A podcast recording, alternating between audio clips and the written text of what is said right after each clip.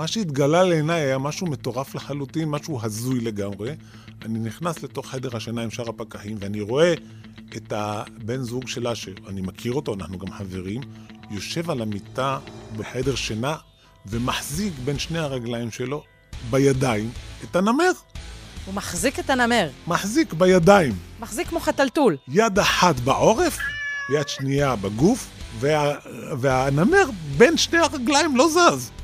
עכשיו, אני פשוט בהלם מוחלט שאני רואה דבר כזה, כי חשבנו שהוא סגור בחדר. כן. שלא מישהו מחזיק אותו. מה עושות האיילות בלילות? לציפור בין העצים.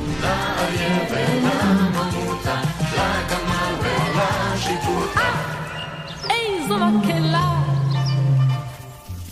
הסכת ארץ ישראלי מצוי.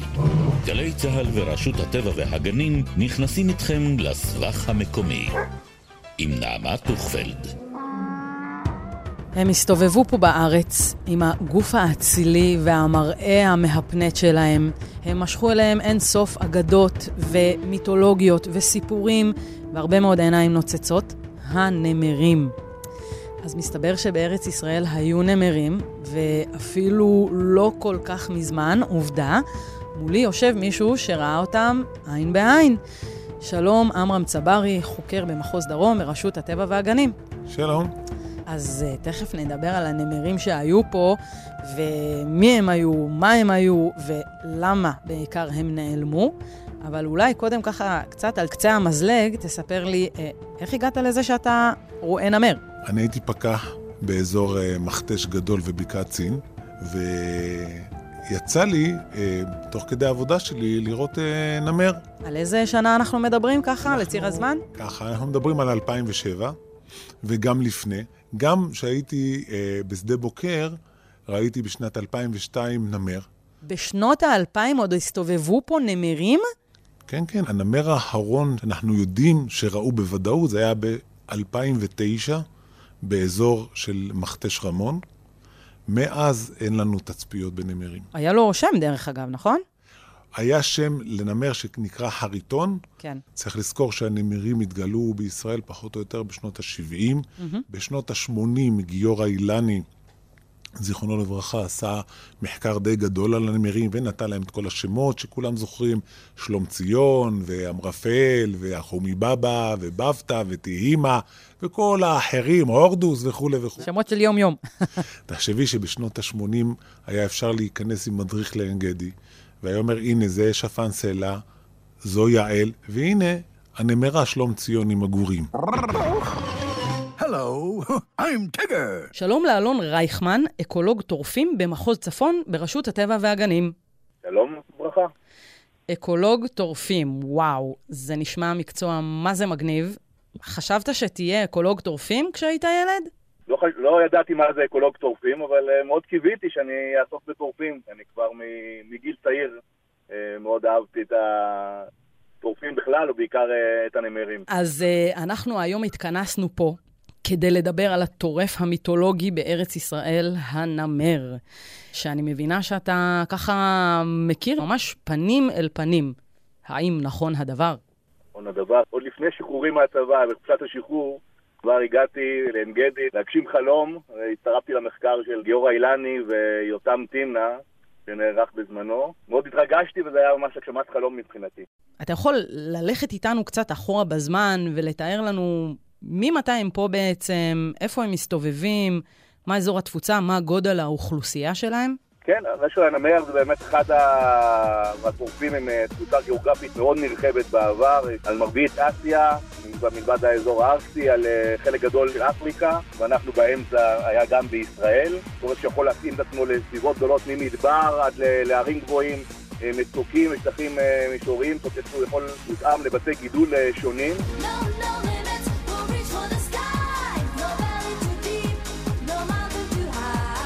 בארץ היו נמרים כבר מהתקופות הפרה-היסטוריות, בדרום נמר המדבר היה תת מין קטן יחסית, ובצפון ישראל, באזור הים התיכוני, היה תת מין גדול יותר של נמר, הוא גם אה, נמר שעדיין נמצא קצת באזור טורקיה וכדומה.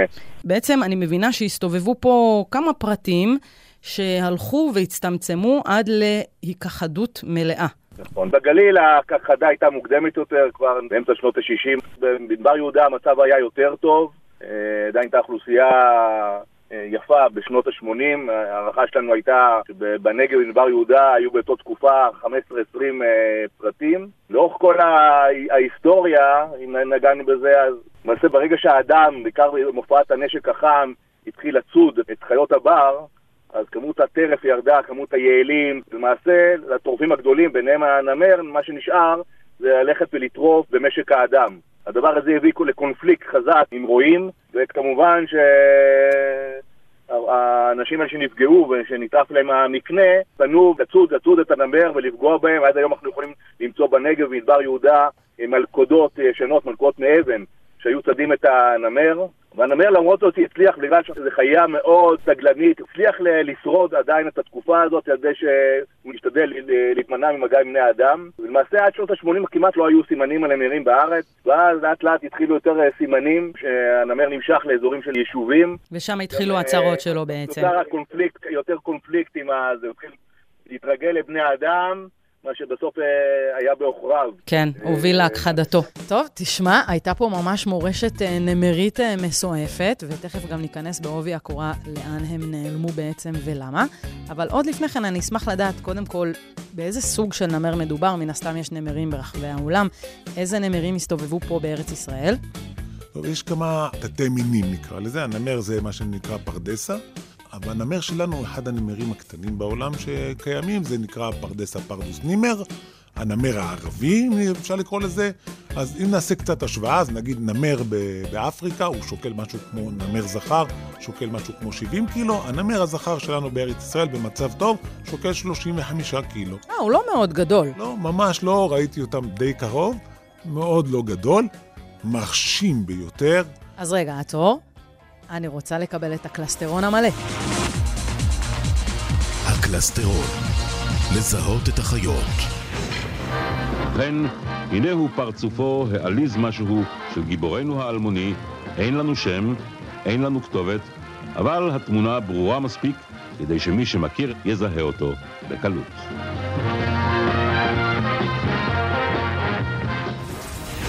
מראה כללי. איך נראה נמר? חתול עם חברבורות עליו, זנב ארוך. בקצה הזנב הוא, יש לו לבן. הנקבה בדרך כלל גם כשהיא מרימה את הזנב, אז הגור יכול לדעת אה, לראות אותה בסבך. בארץ אה, היו נמרים, היה גם נמר צפוני דרך אגב. איזה צבעים יש לנמרים הארץ-ישראלים? דומה מאוד למה שיש אה, לשאר הנמרים שאתם מכירים, אם זה באסיה או באפריקה, רק הם יותר קטנים, קצת יותר בהיר. נגיד גודל של כלב, אפשר להגיד? כלב יחסית, כלב גדול נקרא לזה. הנמר שייך למשפחת חתולים, לסוג שנקרא סוג פנתר, שאליו שייכים החתולים הגדולים. אריה, הטיגריס, היגואר והנמר. כל הארבעה האלה הם חלק מהתקשורת הם על ידי שאגות. אז למעשה הצורה שלו כמו חתול גדול. הנמרים שבמדבר, אז השרים הגיעו בסביבות ל-40 קילו, הנקבות הרבה יותר קטנות, בסביבות 25 קילו. אורך בערך מטר, זנב מאוד ארוך, שמאפשר לו טיפוס לא רק להיות, להיות פעיל על הקרקע, לטפס אה, מעולה על, על עצים, על מצוקים. לכן זה כמו החתול זה, אבל חתול גדול, אבל הרבה יותר שרירי. שיכול לבחור למשל טרף שאפילו יותר משקל גופו, יכול אה, להעלות אותו על עץ או על אה, איזה מצוק אנכי. דבר שלא לא, לא הרבה בעלי חיים מסוגלים לעשות. למעשה הנמר נחשב כאחד אה, מכונת ציד כמעט האופטימלי. הוא כוכב. כן, הנמר יכול בחיות חיות קטנות, יכול במכת כף אחת לעמם שפן. בעלי חיים גדולים יותר, אז כמו יעלים הוא צריך יותר, כן, גם כן להשתמש בניבים הארוכים שלו, אבל השילוב באמת של אה, של גם אה, ניבים גדולים, שירי לסת חזקים, היכולת של התפטירים, כאילו במכת הכף שלו החזקה, הוא מסוגל להוריד אה, בעל חיים או טרף, שבערך פי אחד וחצי, אפילו ואף יותר, ממשקל גופו.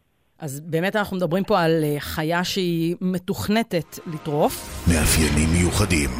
נמר בעצם צריך טריטוריה של משהו כמו 40 קילומטר, 40 קילומטר. אה, זה ממש נדלן רציני הוא צריך פה. כן, כן, שטחים. כן. והוא חי בעיקר במצוקים. בתוך הטריטוריה הזאת יכולים להיות שלושה או ארבעה נקבות.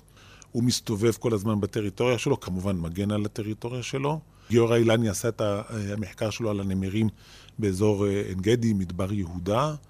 אה, הנמרים נכנסו לקיבוץ עין גדי על מנת אה, לטרוף שם בפינת חי כל מיני חיות משק, וזה בעצם יצר את כל הפחד שאולי הם יעשו משהו לאנשים, למרות שמעולם לא הייתה תקיפה שלהם או טריפה של נמרים מה, מהמין הזה, אה, אה, איזה מישהו, אלא אם כן הם הציקו להם או משהו כזה, אבל לא קרה דבר כזה.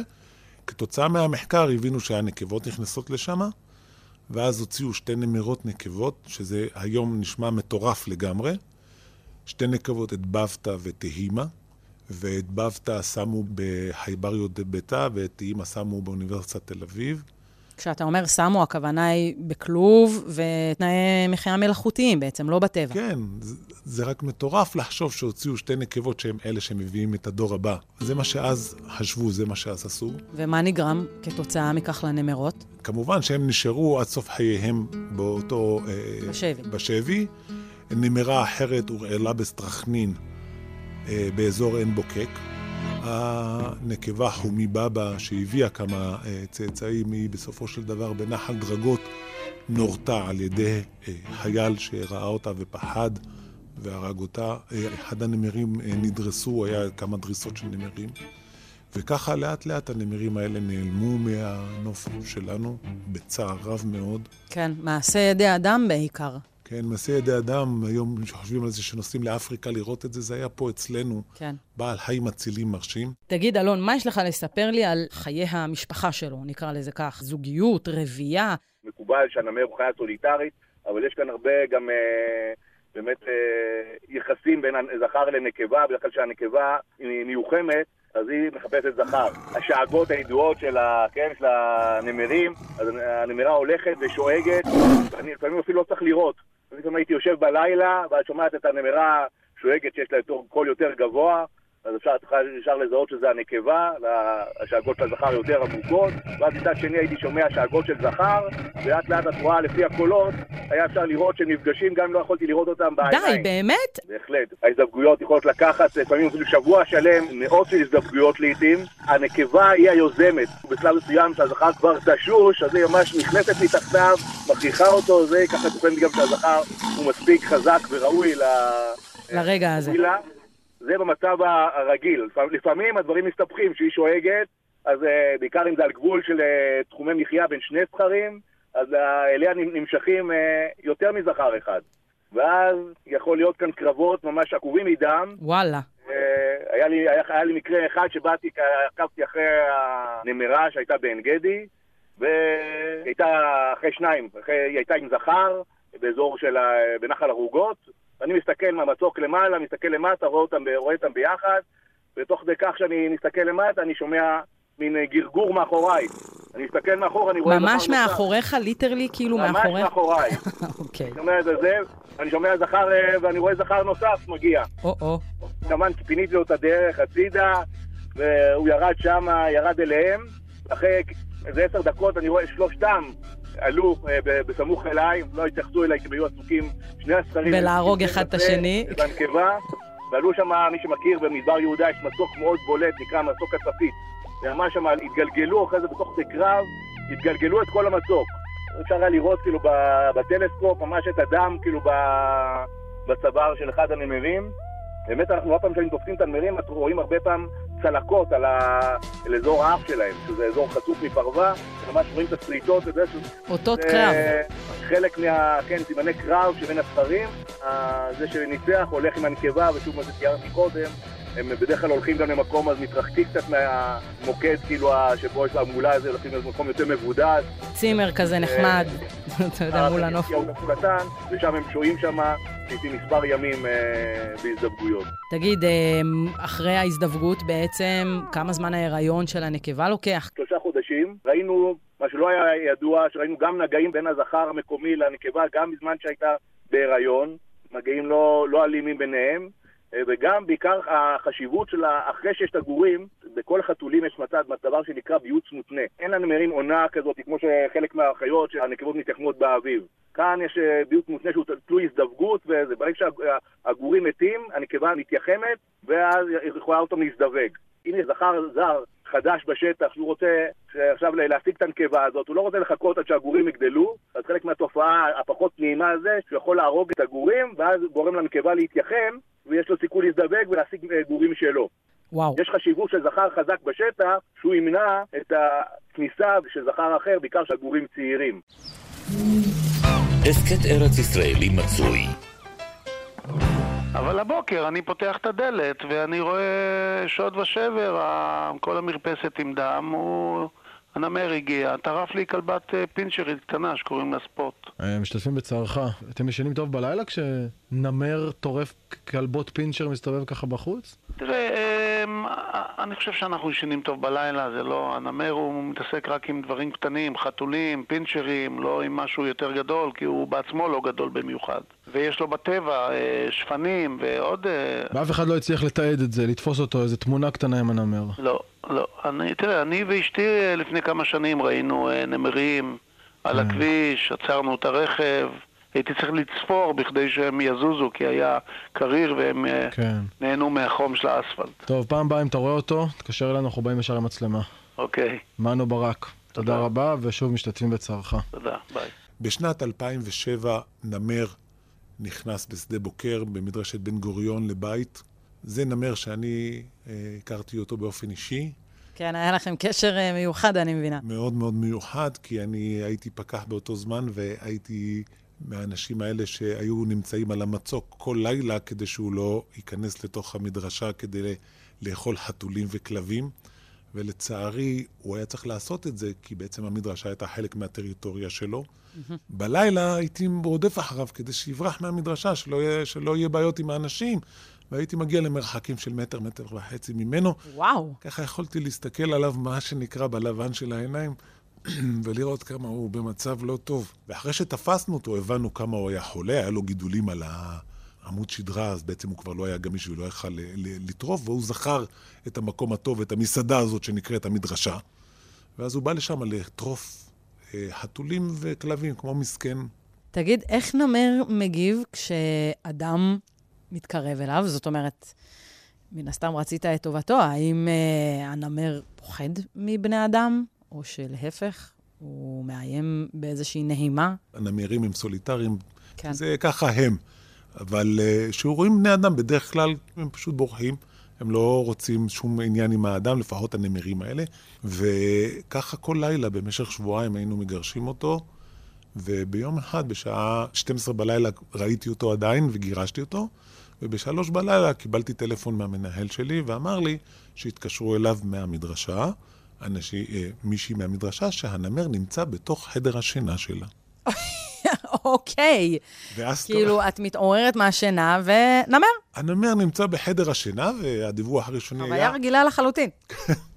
הדיווח הראשוני היה שהוא סגור בתוך החדר. אז כמובן שיש לנו את כל הזמן להתארגן, כי הוא סגור בתוך החדר. מה עושים כשקמים ורואים מול העיניים נמר? אני מנסה רגע לחשוב על זה. אז בהתחלה לא הבנו מה, מה זה בדיוק, אבל כשקמתי מהשינה, אז אשתי אמרה לי, או, oh, אני באה איתך גם לראות את הנמר. כן, מדובר אמרתי לה, למה לא? בואי לראות את הנמר. הלכנו, הגענו כמה פקחים לבית, לאותו בית, והגברת בבית הפנתה אותנו ולקחה אותנו לחדר השינה. היא הייתה בפאניקה דרך אגב, או שהיא הייתה כאילו לא, רגועה לא וסבבה? נראה לי, לא, הם לא היו בפאניקה, אבל מה שהתגלה לעיניי היה משהו מטורף לחלוטין, משהו הזוי לגמרי. אני נכנס לתוך חדר השינה עם שאר הפקחים, ואני רואה את הבן זוג שלה שיושב על המיטה, בחדר שינה, על המיטה, ומחזיק בין שני הרגליים שלו, בידיים, את הנמר. אוקיי.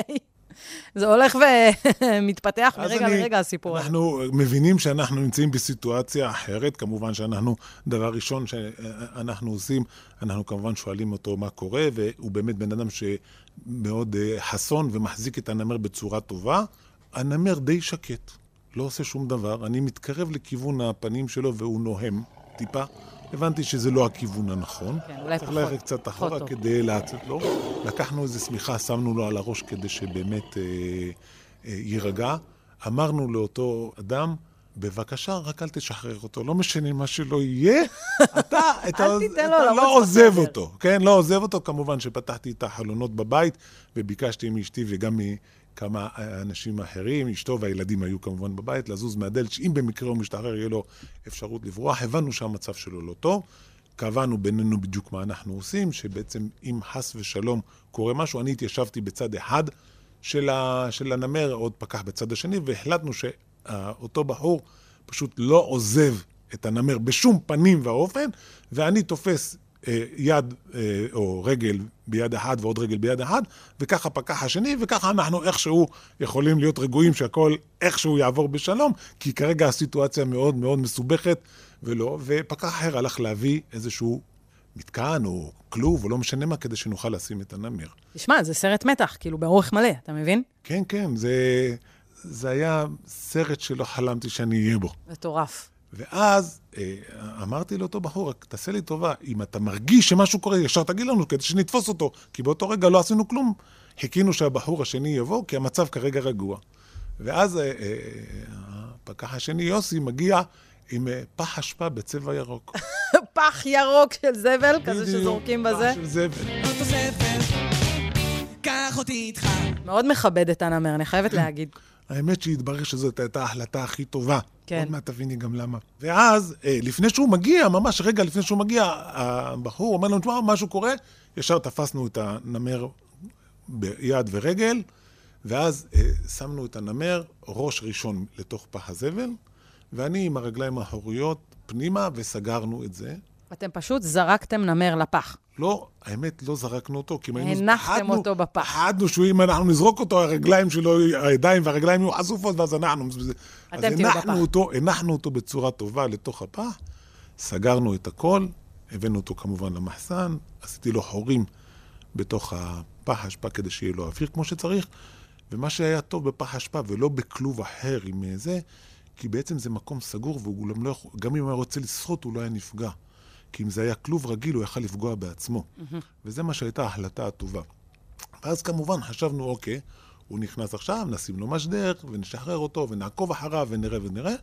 אבל כמובן קראנו לווטרינר של הרשות, לרוני, כדי שיגיע ונחליט מה עושים עם זה. הבנו באותו רגע, זה היה בשעה שלוש בלילה, ורוני הגיע, כמובן היינו בקשר עם כולם, וידענו שבבוקר כמובן יהיה שמחה וששון, כי נמר בתוך בית של בן אדם זה משהו שלא רגילים אליו. כן, די. וכולם יגיעו וכולי, ובאמת שיצא לנו, לי ולאשתי, זמן איכות עם הנמר הזה, לאיזה חצי שעה, שעה שהוא היה במחסן. עשיתם בייביסיטר על נמר, בקיצור. להסתכל עליו, הוא היה רגוע לחלוטין. היה נראה כאילו, ככה זה היה נראה לי באותו רגע, שהוא התפלל שמישהו יבוא וייקח אותו. ויצילו אותו משם. כי בסוף התברר שהיה לו גידולים כן. על העצמות, וכמו שאמרתי לכם, נמר זכר שוקל 35 קילו, הוא שקל 21 קילו במצב מאוד מאוד ירוד, ולצערי לא היה ניתן לשחרר אותו, היה צריך לקחת אותו לבית חולים, לעשות לו כל מיני טיפולים וכולי וכולי, והוחלט שבגלל מצבו הרפואי לא ניתן יהיה להחזיר אותו לטבע,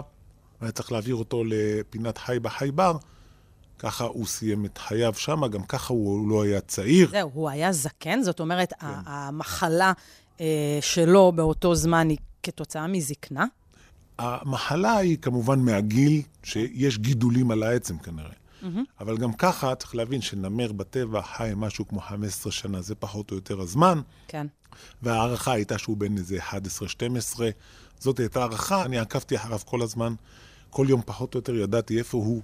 ראיתי את העקבות שלו, וראיתי גם שהוא גורר את הרגל האחורית-ימנית שלו, כי הסתכלתי על העקבות וראיתי את זה, ובעצם זה סוף עצוב כן. לבעל חיים מלכותי, לתקופה כל כך יפה שהייתה בארץ הזאת, כן. שלנו יש איזו יד, אני חושב, בהיעלמות של בעל חיים כל כך אצילי, מהנופים הכל כך מדהימים, לבוא ולחשוב שעגה של נמר בתוך מדבר, זה דבר שמצמרר לך את כל הגוף. והיום זה כבר לא נשמע. יש לי שאלה אליך, שאולי היא שאלה קצת תיאורטית. האם לא הגיע סוף עידן הנמרים, והם פשוט נעלמו באופן טבעי, אפשר לומר, מנופי ארצנו, ואין מה לעשות עם זה? או שאתה סבור שמדובר פה באיזושהי התערבות יתר של האדם, ובגללנו הם נכחדו והיה אפשר אחרת? תראי, זה לא רק הנמרים. אין ספק שאנחנו אחראים להכחדה שלהם, הם לא אמורים היו. תראי, בדרך כלל בטבע למין להיעלם לוקח פחות או יותר אלף שנה. במאה השנים האחרונות האדם הצליח עשרות של מינים להעלים מהעולם. תחשבי רק שפה בארץ שלנו, כן, יש לנו עיד זהוב, עוף דורס, מהמרשימים ביותר בעולם. היה נפוץ וכולי. נשארו ממנו רק חמש זוגות. אנחנו האחרונים שנראה אותם. לצערי אני אומר את זה. נעשים מאמצים גדולים להחזיק אותם כדי שהם יתרבו וכולי. אותו דבר גם לגבי העית ניצי, ועוד כל מיני בעלי. חיים. נשרים שאנחנו רואים עכשיו. חברים, חברים עד הסוף על כל הבעלי חיים האלה שאת מסתכלת, יד האדם היא זאת שגרמה לכך. ולכן החובה היא מוטלת עלינו. האחריות עלינו. אנחנו אלה שפוגעים בהם, ולכן אנחנו אלה שצריכים להגן עלינו. אנחנו פה המין החזק. הכי קל זה להרוס. לבנות זה דבר הרבה יותר קשה. לשמר זה הרבה יותר דבר קשה. קל להרוס. How can people be so heartless? How can people be so cruel? אז יש לי שאלה, אנחנו אה, יודעים שברשות הטבע והגנים, ובכלל, כל מי שעוסק בשמירת טבע, אה, הרבה פעמים ככה אה, מנסים אפילו להחזיר את הגלגל לאחור, אם זה עם הקמת גרעיני רבייה, השבה של בעלי חיים לטבע, שימור של מינים נדירים ונכחדים. אתה רואה סיטואציה שבה נמרים חוזרים לנופי ארצנו באיזושהי דרך? אני לא יודע. אני רק יודע דבר אחד, המין הזה, שנקרא פרדס הפרדוס נימר או הנמר הערבי, הוא לא נמצא בהרבה מקומות בעולם. הוא נמצא בעיקר אצלנו, היה אצלנו, נמצא בירדן, שגם שם מכחידים אותו, נמצא בערב הסעודית, שגם שם לא קל לו, באזור בחריין, זה פחות או יותר האזור שהוא בו נמצא, בעיקר בשרשרת של ההרים, כי זה המקומות שבהם הוא אה, חי, והוא הולך ונעלם. עמרם, אנחנו מכירים סיפורים של השבת בעלי חיים, כמו למשל יחמורים, שזה בעל חיים שנכחד, והשיבו אותו לפה, אז למה לא עם נמרים גם כן? כן, זו שאלה טובה מאוד, והתשובה לכך היא כי הנמרים, בניגוד לנגיד לאוכלי עשב כמו פראים או ראמים, אצל אה, חיות שהן טורפות, כמו נמרים או גם עופות דורסים, ההורים מלמדים את הצאצא איך לצוד. אפשר לראות את זה גם בסרטים של אנשי ג'אוגרפיק, הם תופסים איזשהו צבי קטן או משהו כזה, מביאים את הגורים כדי שיתאמנו עליו איך לצוד. אם זה בעופות דורסים, זה ממש קרב אווירי. ההורים עושים יעף על אותו נקודה, ואחרי זה הצ- הצעירים עושים את זה כדי ללמוד. ולכן חשוב מאוד שהם לא ייכחדו. כי אם ייכחדו, הבעיה בהשבה היא מאוד מאוד קשה להחזיר אותם. גם בכלל, יש כללים איך משיבים בעלי חיים לטבע, אתה צריך להשיב את הבעל חיים אחרי שאותו דבר שגרם להכחדתו כבר לא נמצא. ואם הוא נמצא, אז אין טעם להשיב אותו, כי אותו דבר יגרום שוב להכחדתו, אז אין טעם לעשות את כל העבודה.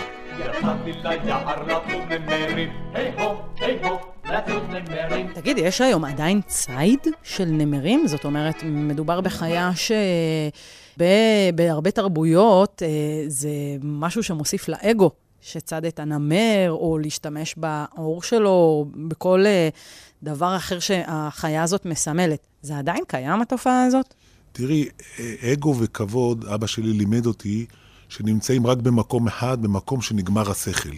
שם מתחיל אגו וכבוד. אם חושבים... איש חכם. מאוד, אבל אם חושבים בהיגיון, אנחנו מכחידים את אלה שעוזרים לנו. הרי מה זה נמר? נמר זה טורף טבעי, טורף על בעצם, שמווסת אוכלוסייה מסוימת, כדי שאם היא לא תהיה, אם לא יהיה נמר, אז לה יהיה השלכות אחרות על הטבע, שבסופו של דבר יפגעו בנו. כן, התפרצות של מין, למשל. בדיוק ככה, המערכת בנויה בצורה של ויסות, אוקיי? אז uh, העניין הזה של לבוא ולצוד, לצערי בישראל כבר אי אפשר לצוד נמרים, כי אין נמרים. אבל צדים אותם בכל העולם בגלל כל מיני סיבות. אלון, שאלה אחת לסיום. אתה תיארת פה באמת מערכת אקולוגית מופלאה, שאין בה טובים ורעים כמו שאנחנו רגילים בסרטים של דיסני. פשוט בעלי החיים מקיימים סוג של אינטראקציה הדדית ביניהם, וכל אחד תלוי בשני. מה קרה למערכת האקולוגית הזאת ברגע שהנמרים נעלמו בעצם מהשטח? הנמר הוא היה הטורף העל של המערכת האקולוגית במדבר יהודה והר הנגב. ההשפעה של, גם על הטרף היא לא רק באמצעות טריפה ישירה. כי אנחנו אומרים, וואלה, 20 נמרים, כמה כבר הם היו אוכלים מתוך היעילים והשונים? זאת אומרת, במקום שיש סכנה שהנמר נמצא, היעילים יצטרכו להיות יותר כל הזמן, הרבה יותר. ערניות. אז הם פחות אוכלים. הם צריכים להיות כל הזמן לשרוף את הסביבה ששום נמר לא מתקרב אליהם. השפנים, שהמסתור שלהם בשלעים, מרחק ההתרחקות שלהם הוא מוגבל יותר, כי יש להם טורף. ברגע שאין להם את הטורף, אז יכולים לפעמים לחסל עץ על ידי לחץ ראייה אה, גבוה. היעלים באותו צורה, היום באזור אה, המדרשה, בזמנו יעלים מעטים היו מעיזים ללכת לשהות במשך הלילה קרוב למשרדת שדה בוקר. הם היו צריכים להיות במקום מוגן במצוקים. היום זה משנה את כל ההתנהגות של אוכלוסיית הטרף, כשיש טורף כמו הנמר, החלשים האלה, הפצועים, החולים, לא שורדים, נשארים רק החזקים, וזה הרבה יותר בריא לאוכלוסייה. באוכלוסייה ברגע שיש כאן טורף אפקטיבי בשטח. וואו, זה ממש, אה, אתה יודע, דברים שאנחנו לא חושבים עליהם אפילו כבני אדם, לאן זה מגיע בכלל, כל העניין הזה. אלון רייכמן, אקולוג טורפים במחוז צפון, רשות הטבע והגנים. אני חושבת שאתה הגשמת חלום של הרבה ילדים, ופתחת לנו צוהר לעולם מופלא. אני רוצה אה, להגיד לך תודה על השיחה הזאת. תודה לכם. טוב, עמרם, אז אולי אני אכנס קצת לתפקיד שלך האישי כחוקר ברשות הטבע והגנים. אתה מתעסק גם במקרים של ציד ושל אכיפה, ואני רוצה לשאול אותך בהקשר של הנמר, בהקשר בעצם של ציד של בעלי חיים. אתה רואה איזושהי מגמה מסוימת, אולי אפילו קטנה, של שינוי, של שיפור? תראי, בעבודה שלי כחוקר, אני בעיקר, בעיקר מתעסק עם אה, פגיעה בטבע ובבעלי חיים. רוב התיקים שלי הם עוסקים בציד בלתי חוקי של חיות בר. אני חייב להגיד שאני אה, נותן הרצאות בכל מיני מקומות. באחד המקרים הייתי פה בכלא באר שבע לתת אה, הרצאה לאסירים. ולפעמים כשאני נכנס לבית הסוהר, חלק מהלקוחות אני מכיר אותם, מהעבירות שלנו. ואחד האנשים שם, שהוא אמר לי, תראה, עמרם, לפני כל האסירים, כן? אז אמר לי, תראה, עמרם, אתם לא בסדר, אתם ברשות הטבע והגנים, אתם לא בסדר. אני בסך הכל תופס את החוכית. אני שם אותה אצלי בבית בכלוב, מפנק אותה חבל על הזמן, ואתם עושים לי בתי משפט וכל מיני סיפורים כאלה. למה, עמרם? זה לא בסדר. אמרתי לו, אתה יודע מה, אני עמרם צברי, אני מרשות הטבע והגנים, אני מוכן לתת לך אישור, תיקח כמה שאתה רוצה חוכיות עליי, אבל גם אני רוצה משהו. אז הוא אמר לי, מה אתה רוצה? אמרתי לו, אני רוצה לשים אותך אצלי בבית, בכלוב, פנק אותך חבל על הזמן. מה אתה אומר? ציפור בכלוב, עכשיו השיר שלה נשמע עצוב, עכשיו יש בעלה בתוך הכלוב, מתי מתי יחזור השקט? הוא אמר, לא, לא, זה אני לא רוצה. למה? בטח, הוא אומר לי, אני עכשיו פה בבית סוהר כמו בכלוב. אמרתי לו, החוכית הזאת, היא אמרה לך לקחת אותה? וזה שאתה לוקח אותה משם, היא לא שלך, היא של כולנו, של כולנו, אנחנו לא נראה אותה יותר. והיא גם לא תוכל להביא יותר ילדים לעולם, ולא להתרבות, אז אתה בעצם גוזר גם עלינו כליה. מה היה לו להגיד?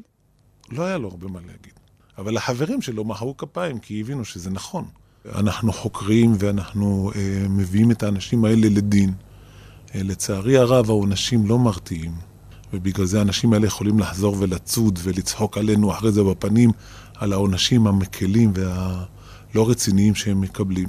כן. דרושה יד קשה ובלתי מתפשרת בתחום האכיפה והענישה. בהחלט. טוב, עמרם, אני רוצה לאחל לך שבמסגרת העבודה שלך תמשיך לשמור על בעלי חיים וגם תראה בצורה מוחשית איך העבודה שלך מועילה להם ומוסיפה להם את מה שאנחנו לוקחים. אז תודה רבה על השיחה המרתקת הזאת. עמרם צברי, חוקר במחוז דרום, רשות הטבע והגנים, ושנשמור על הטבע ביחד למען הדורות הבאים. הלוואי ותודה רבה. תודה לך. אם הייתי נמר פנתר, או כל חתול אחר,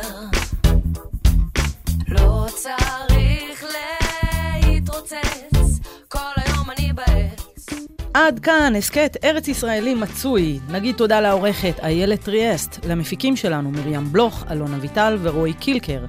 טכנאי השידור בירושלים בן רוטשטיין וצביקה אליהו, על העריכה הטכנית צוות טכני גלי צה"ל, ותודה לאנשי רשות הטבע והגנים שלומית שביט, רותם וידר כהן, דניאלה תורג'מן ואבישג איילון. אני נעמה טוכפלד, ואנחנו ניפגש בהסכת הבא.